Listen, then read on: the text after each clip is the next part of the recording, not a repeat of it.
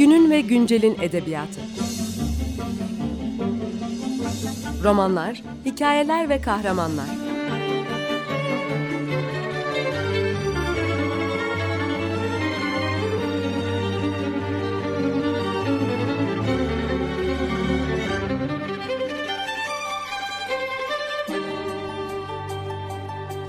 Hazırlayan ve sunan Seval Şahin.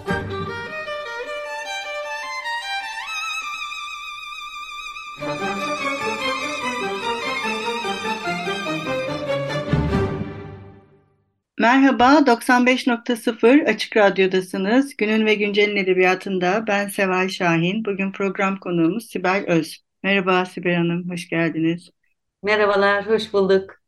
Ee, Sibel Hanım'la birlikte 29 Ekim tarihinde ilk defa Artı Gerçeğin internet sayfasında yayınlanan e, Edebiyatta Yeni Nesil Cemaatçilik e, adlı e, ne diye başlıklı yazısından yola çıkarak günümüz edebiyat ortamına, dijitalleşmeye ve bu sosyal medyanın e, edebiyat üzerindeki etkisine dair bir konuşma yapmayı düşündük bugün. Ee, şimdi bu yazı çok benim de size de söyledim duygularıma da çok tercüman oldu aslında Ee, ve e, bu Türkiye'de uzun zamandır tartışılan işte edebiyattaki eleştirel bir ortamın mevcut olmaması bu işte eleştirel ortamın mevcut olmamasının cemaatçiliği içinde beraberine de getirdiği ve bundaki sosyal medya etkisi bayağı konuşuluyor e, aslında. Ve sosyal medyanın bayağı bir edebi kamuyu manipüle ettiğini de e, artık tabii ki kabul etmemiz lazım. Görüyoruz bunun sonuçlarını. E, evet, siz ne düşünüyorsunuz? Bu yani yazınızda da var. E, dinleyicilerimiz bu yazının tamamına Artı Gerçeğin e, web sayfasından da ulaşabilirler. E, bu e, cemaatçilikte e, vasatlaşmayı edebi kamuda vasatlaşmayı da beraberinde getiriyor mu? Aslında e, ben bu yazının çok daha geniş e, bir çerçevede sorunu e, 2000'lerden sonra Arabesk Yeniden diye bir kitap çıkartmıştık. E, hatta arabesk tutkunu okurlar ilk böyle rağbet göstermişti kitaba. Ama kitap gayet eleştirel bir kitaptı. O kitapta e, edebiyat, sinema ve tabii ki müzikte 2000'lerden sonra arabesk cephesinde neler olup bittiğini araştırmıştık. Aslında ben yaşadığımız durumu edebiyat cephesinde biraz daha kuş bakışı e, olarak o kitapta e, kitap hazırlayanlardan biriydim zaten. Kendi makalemde de aslında e, bir takım tespitlerde bulunmuştum. Tabii bu yazı bir köşe yazısının sınırları içerisinde ne kadar değinebilecekse o kadar değinebilen e, bir yazıydı. Ama yine de okurlar, e, editör arkadaşlar, yazar arkadaşlar, edebiyatçı arkadaşlar bayağı döndüler.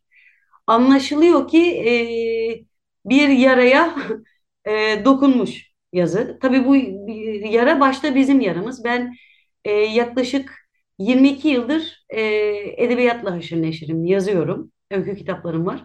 Ama 12 yıldır da editörüm. Bu ne demek? Sadece e, basılı yayınlar değil, basılmamış pek çok e, metni de okuyoruz anlamına geliyor. E, bunların çoğu da e, kötü ne yazık ki. Ama kötü olması buradan en azından benim özelimde bu 12 yıl içinde bazı verilere ulaşılmayacağı anlamına gelmiyor. Hatta bana göre kitaplaşacak olan ya da kitaplaşmış olanlardan daha ziyade tabii ki o onların ne diyelim yüzde biridir, binde biridir kitaplaşan kitaplaşanlar.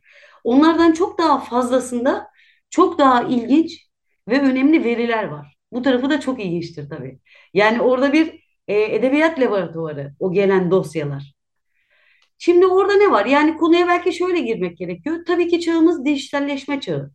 E, aynı zamanda dijital iletişim çağındayız. Bir taraftan e, gezegenin ham maddeleri iyice tükendi.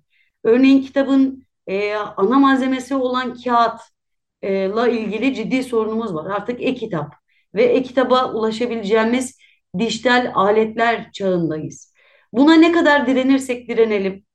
Örneğin e, annem geçen gün annemin evinde benim tutkunlukla bağlı olduğum elektrikli daktiloyu getirmiş. Ben de böyle bir şaşırdım ama tabii aldım yine bağrıma bastım ama şeyi bile hatırlatıyor. Yani biz tabii ki o sürecin sonlarına yetişmiştik. Ee, hani çok direnecek durumumuz yoktu ama önceki kuşaklar daktiloya sonra elektrikli daktiloya e, şiddetle bağlıydılar. E peki şimdi bizim bu mukavemetimizin e, bir e, çıkışı var mı? Tabii ki yok. Şimdi nasıl e, yazılarımızı Word belgesi açarak bir bilgisayarla yazıyorsak, bundan sonraki süreçte her ne kadar kitaplarla ilişkimiz şimdi size gösterebilsem yani masanın üzeri kitaplarla yığılı böyle kuleler oluşmuş durumda. Ama bu ilişki de çok sürdürülemeyecek bir ilişki. Bunun da farkındayız. O zaman dijital mecralar o yazıda da konu edilen tabii ki olacak ve biz bunlardan e, yararlanacağız. Yararlanacağız. Bir gün gelecek ki nasıl bugün kalemle yazmak zor geliyorsa, kitaptan okumak e, bizi e, bir dönem öncesine duygusal olarak savuruyorsa, e, tabii ki e, dijital olarak okumak PDF üzerinden, Word üzerinden çok daha basit. Yani e, Sevel Hanım işin e, nihayetinde şu da olmuş. Beynimiz de buna göre şekilleniyor. Ben e, Üsküdar Üniversitesi'nde şu anda doktora yapıyorum. Orada da aynı şeyleri konuşuyoruz. Yani akademide de aynı şeyler konuşuluyor. Gözümüz ve beynimiz de evrim geçiriyor bu aletlerle. Yani aletler bizi, biz aletleri şekillendirmeye devam ediyoruz. Dolayısıyla sosyal medya meselesi, meselesi tabii ki bu dijital iletişim çağının çok önemli bir mecrası. Ben e, şeyi de çok sevmiyorum. Yani bardağın e, boş tarafına bakmamaya çalıştım yine de ısrarla ama boş tarafı gerçekten gözümüze batıyor. E, dolu tarafında da bir şeyler var. Şimdi sosyal medyada bir çıta oluşuyor. Yani e, belirgin temalar bir furya haline geliyor, bir moda haline geliyor ve burada talepler belirginleşiyor, okurun talepleri ve takipçilerin ciddi bir baskısı var yazar üzerinde. Takipçisi olmak veya olmamak. İşte bütün mesele bu gibi geliyor. Yayın evleri de bunu takip ediyor, editörler de takip ediyor. Ve bütün bu karmaşa içinde kitap arka planda nostaljik bir dekora dönüşmüş durumda. E, ve bu kalabalık ortamda dijital mecraların hani nedir bardağın dolu tarafı diye düşündüğümde bence bardağın dolu tarafı şu. E, geçen gün o yazıdan sonra bir e, yazar arkadaş yazmıştı. İşte falanca filancayı görmeye Almanya'dan Rusya'ya gitti. Böyle bir yol kat etti. İşte kitabını verdi işte kağıt olarak. Sonra o da onu beğendi. İşte el verdi ona. Evet bunlar çok zahmetliydi. Ve garip hikayeler vardır gerçekten edebiyat tarihinde. Ama şimdi nedir? E, bu dijital mecralarla birlikte sanki bana edebiyatta bir demokratikleşme, e, bir dolaysızlaşma ve bir fırsat eşitliği tabii ki var. Yani bugün e, Türkiye'nin dört bir tarafından, taşradan, e, iletişimin çok e, sıkıntılı olduğu yerlerden bile insanlar yazılarını yazıp, kitaplarını dosya haline getirip, yayın evlerine, mecralara, basılı yayınlara gönderebilirler. Dijital mecralara da gönderebilirler. Dolayısıyla bu yeni yazarların ya da yazar adaylarının seslerini duyurması için çok ciddi bir imkan ve olanak. İlla ki bunun çok zahmetli, çok e, çok zor yoldan olması gerekmiyordu. Gerekmiyor geçmişte olduğu gibi. Bir taraftan onlar tabii ki tecrübeli yazarlarla iletişim kurabilirler. Onlara ulaşabilirler. Onların deneyimlerinden, görüşlerinden faydalanabilirler. E, bu tarafı gerçekten bardağın dolu tarafı. Bardağın boş tarafına baktığımız zaman e, o yazıda hemen e, geliveren bir cümle vardı. Üzerimize çok fazla kötü metin boca ediliyor. Yani bunların metin olduğu bile aslında, edebi metin olduğu bile aslında tartışmalı. Dolayısıyla burada işin içine reklam giriyor. Mesela e, yayın evlerinin de artık buna fit olduğu ya da önünden koştuğu işte e, falanca kitabın tanıtım yazısı ya da falanca kitap hakkındaki yazı. Hayır bunun adını tanıtım koymak belki dürüstlük. Evet adı üstünde tanıtım yazısı. Ama eleştiri yazısı da deniyor. Fakat yazı eleştiri yazısı değil. Yazı sadece o kitabı gündeme getirmek için yazılmış, güzellemeye dayanan, e, yazının öncülüğünde kurulan ilişkilerle ortaya çıkmış, ısmarlanmış ve herhangi bir şeyi eleştirmesi mümkün olmayan, çünkü ısmarladığınız bir şeyden gelen yazı sizin kitabınızı eleştirebilir mi? Zaten oyun baştan böyle kurulmuş. Mümkün değil. Yani bağımsız bir e, eleştirmen ya da yazar kitabı bağımsız bir gözle objektif olarak okuyacak. E, tıpkı söze başladığım gibi boş tarafı neydi, dolu tarafı ne, olumsuz, olumsuz yanlarını ortaya koyacak ve o yazıyla mesafeli yabancılaşma temelinde bir ilişki kuracak. Ancak böyle eleştirmesi mümkün. Peki kitaplar hakkında, yeni çıkan kitaplar hakkında çıkan onlarca ya da yüzlerce yazı eleştirellik içeriyor mu? Hayır içermiyor. Peki o zaman neden mış gibi yapıyoruz? Mış gibi yapmanın çok fazla bir anlamı yok. Burada taraflar var. Yazan, kitabın yazarı, yayın evi, editör, yayın evlerinin reklam ve halkla ilişkiler departmanı. Halkla ilişkiler zaten burada manidar bir kelime. Yani kitap bir meta, bu kitabın satılması gerekiyor. Satılması için de iletişim fakültelerinde okuduğumuz o neydi? 4P. İşte pazarlama, işte tutundurma vesaire vesaire bunların yapılması gerekiyor. Ve bunları yapan departmanlar var. Bu mecraların en önemlisi de sosyal medya. Bunların da içinde en önemlisi Instagram. Oradaki işte kitap okuyan e, ne diyorlar onlara? E, ee, galiba e, YouTuber'lar gibi Booktuber'lar evet. var. O, evet. Evet. Ama Instagram'dakilere evet. de Booktuber mı deniyor onu bilemiyorum yani. Zaten direkt size mesaj geliyor. Dün mesela bana Instagram'dan ki çok faal kullanmadığım halde bir mesaj geldi bu yazı üzerine. Kitaplarınızın tanıtılmasını ister misiniz? Orada insan e, kibirli de davranmak istemiyor da yok istemem. Yani şu anda gerek görmüyorum falan filan gibi bir ezilip üzülme içerisine gidiyorsunuz. Bunun içinde televizyon kanalları da var. Dijital yayın yapan dijital televizyon kanalları da var. Geleneksel televizyondan farklı olarak. Yani konu geniş. Şimdi burada bu eleştirisizlik üzerinden yani bu peki tablo ne oluyor? Tablo her zamankinden fazla bir vasatlık. Evet. Ee, şey, Sibel Hanım bir ara verelim evet. isterseniz o vasatlık. Verelim. Konu geniş. Evet. Verelim. evet şimdi bir e, müzik arası verelim. Ondan sonra devam edelim. Olur mu? Tamamdır. Tabii ki. Merhaba, 95.0 Açık Radyo'dasınız. Günün ve Güncel'in edebiyatında ben Seval Şahin. Program konuğumuz Sibel Öz'le birlikte kendisinin Artı Gerçek e, web sayfasında yayın Artı Gerçeğin web sayfasında yayınlanan Edebiyatta Yeni Nesil Cemaatçilik e, yazısı üzerinden günümüz edebi kamusundaki dijitalleşmeyi ve e, bu dijitalleşmenin olumlu ve olumsuz taraflarını konuşuyoruz.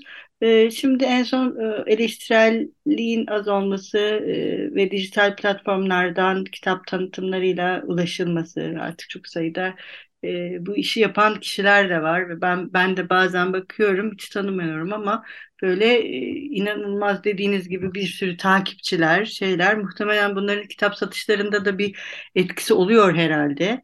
E, evet. Ya da oluyor mu gerçekten e, ondan çok emin olamıyorum ben nedense bilmiyorum.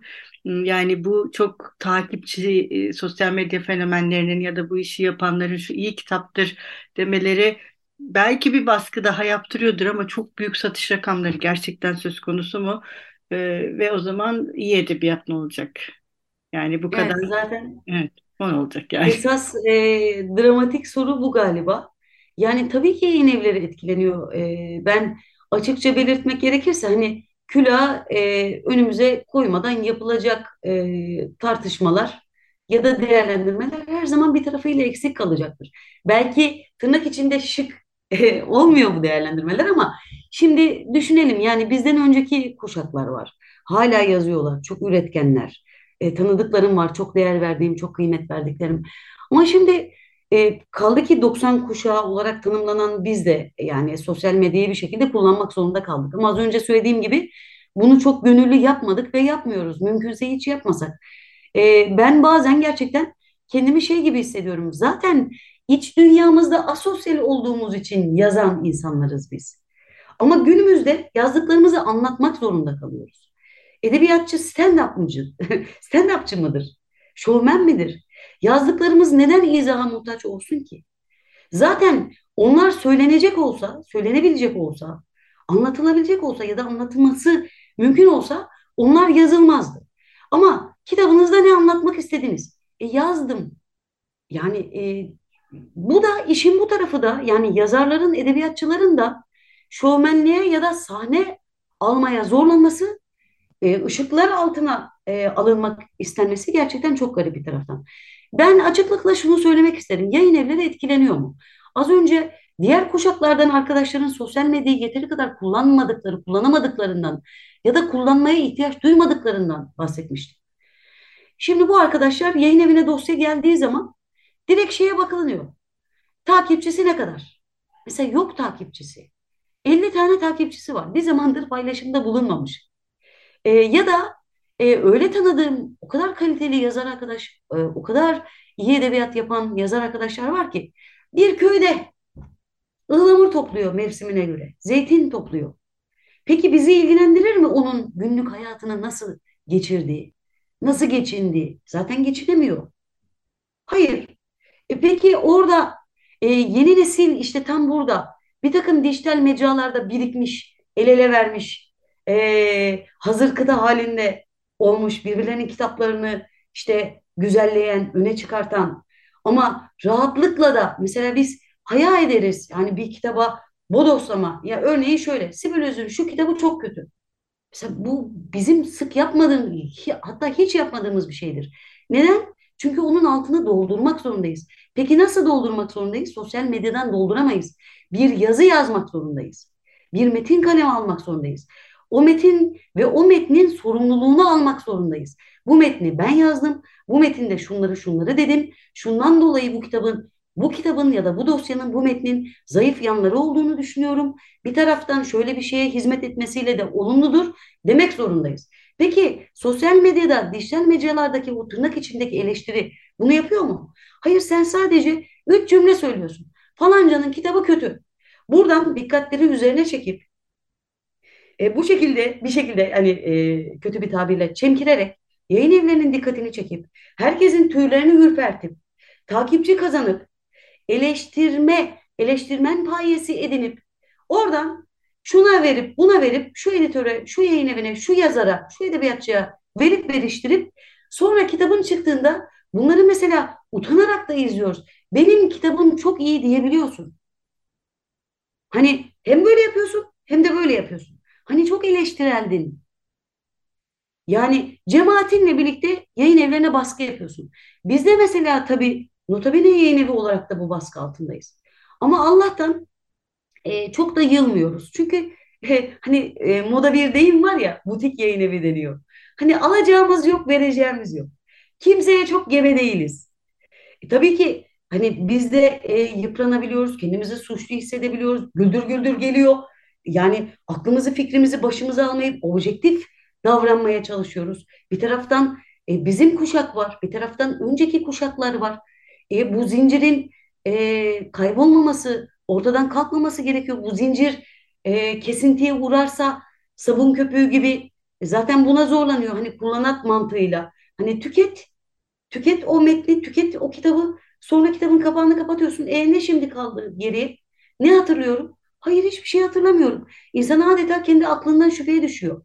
Çünkü e, bir başka yazıda şeyi değerlendirmiştim. Benzer metinler e, toplumsal bağlam yok. Mesela akademide şu anda şey konuşuluyor. Bağlam çöküşü. Bağlam çöküşü. Bağlamı olmayınca akılda da kalmıyor. Olay da yok. Mekan da yok. E, ve uçuş uçuş metinler. O bahsettiğim kitapta Ara, e, arabeske de değinmiştik. Yani edebiyatın popüler kültürle imtihanı. Edebiyat buradan yara almadan çıkabilecek mi? Bu noktada editörler nerede duruyor? Ben sadece örneğin e, yeni nesil cemaatler içerisinde olan arkadaşlarımızı e, eleştirmiyorum. Aynı zamanda diğer edebiyatçıları eleştiriyorum. Aynı zamanda biz editörleri eleştiriyorum. Aynı zamanda yayın evlerini eleştiriyorum. Ama burada o yazıda merkeze konulan yine de okurdu. Burada çıtayı belirleyen, aynı zamanda takipçi olan, okur e, okuru belirleyen metinler, metinleri belirleyen okurlar. Şimdi Mesela bu metinlerin bir de ortak özellikleri var. Yani e, orada şey diyebiliriz. Hazır kalıplar içinde metinleri oluşturuyorlar. Bu kalıplar çok basit e, ve adeta duvar yazılısında e, kullanabilecek aforizmalar tadında. Okur e, o cümlelerin altını yazıp sosyal medyada paylaşıyor. Ve tek başına baktığınızda o aforizmalar gerçekten çok ilginç. Yani sorgulamayan, edebiyat kaygısı taşımayan basit bir yapıya dayanıyor. Bir dil konusu son olarak şeyi söylemek isterim. Dil konusu çok ilginç. Duru dil deniyor kitapların arka kapak yazılarında. Nedir bu du duru dil? Aa, yani hiç insanı zorlamıyor böyle kanırtmıyor okuru. Rahatlıkla anlaşılabiliyor. Ama bir taraftan sokağın dili, bir taraftan e, ben afile edebiyat olarak değerlendirmiştim. Bir taraftan e, maço dil, bir taraftan ergen dili. Yani popülariteye dayanan değil. Ama şunu sormak istiyorum. Edebiyat dil işçiliği olmaksızın nedir? Tamam günümüz Türkçesinin sorunlarıyla konuşalım. Günümü, günümüzün dil sorunlarını konuşalım. Ama dil işçiliği olmayacak mı? Okur bu konuda zorlanmayacak mı? Bu noktada da böyle e, sorunlarla karşı karşıyayız. Yani okurdan duygudaşlık talep eden, e, okurun küskünlüğünü, tabii bu 2000'lerden sonra içinde bulunduğumuz ekonomik, siyasi, kültürel e, ruh hali de bunu e, şartlıyor, bunu koşulluyor. Ama yeni nesil arkadaşlarımızın da genç ve gerçekten çok yetenekliler aynı zamanda. Ben çok da seviyorum bu tarafını. Ama bu arkadaşların okurla duygudaşlık talep eden metinlerinin ne yazık ki çok geleceği yok. Sabun köpüğü gibi e, olduğu görülüyor bunların. Dolayısıyla e, yazarlığı e, bir başka yazıda şuna bakmıştım. Yani yazarlık e, aynı zamanda e, sosyal medyada bir şöhret biçimi olarak değerlendiriliyor. Şöhretin de bir tarihi var ve sosyal medyada da şöhret biçimleri var. Hani o Andy Warhol'un işte herkes 5 dakikalığına şöhreti tadacaktır. Herkes bir kitapla da olsa şöhreti tadabilir bu imkanlarla. Bu zorlanabilir. Kitap çıkıyor, yazar kitabının peşinde koşuyor. Peki burada da son olarak çıplak soru şu. İmza günleri düzenleniyor, işte fuarlar, işte takipçiler, yazılar yazdırılıyor, işte sosyal medyada duyuruluyor, kısım akraba, eş dost işe koşuluyor. Zaten en benim diyen yazarın imzasına, söyleşisine 20 kişi geliyor. Kitap sürekli işaret ediliyor. Yanında kahve konuluyor, çay bardağı konuluyor, martı, martı değerlendiriliyor. Fotoğraflar çekiliyor. Peki tekrar soruyorum. İnsan nerede? İnsan nerede? Yazarken nerede? Kitap çıktıktan sonra nerede? İnsan nerede? Ne oluyor? İşin ABC'sine geri dönmüş oluyoruz. Yani konu derin ee, ama vakti de çok aşmadan bunu söyleyebilirim. Bunları e, söyleyebilirim. Evet, aslında bu konuyu da çok daha fazla konuşmamız gerekiyor bizim Çok. yani bütün bu edebi kamunun tüm aktör, aktörlerinin. E, çünkü evet bir takım e, demokratikleşme araçları var ama bunlar e, bir baskı aracına da dönüşebiliyor. Yani onu nasıl Evet. kullandığınızda da işte çok takipçi birisi bunu bir baskı aracına dönüştürebiliyor yani. E, size sopa altından tehdit şeyi gösterebiliyor. Yani o tür çirkin bir durum da var aslında hiç konuşmadığımız bir taraftan. Yani o şey diye. Hiç konuşmadığımız şu da var. Atölyeler meselesi. Evet. E, o konuda e, o konuda gerçekten zaten hani e, yazılması gerekiyor. Atölyeler meselesinin de çok ciddi şekilde tartışılması gerekiyor. Tam burada e, belki bir soru işareti koyup e, Evet. bırakabiliriz. Yazmak öğretilebilir mi gerçekten ya da ne kadar öğretilebilir? Tümden öğretilebilir mi? Yazarlık kumaşı denen bir şey var mıdır? Yazar yazdıklarıyla özdeşleşerek yazar mesela. Duygusal bağ kurar. Orada insanı arar. Hayatı çekilmez hale gelir. Ee, yaşamı yaşam olmaz yazarken. Ama atölyelerde e, çok genelleme yapmayalım. Farklılıkları varsa onu da konuşuruz. Ama atölyelerde ne oluyor ne bitiyor?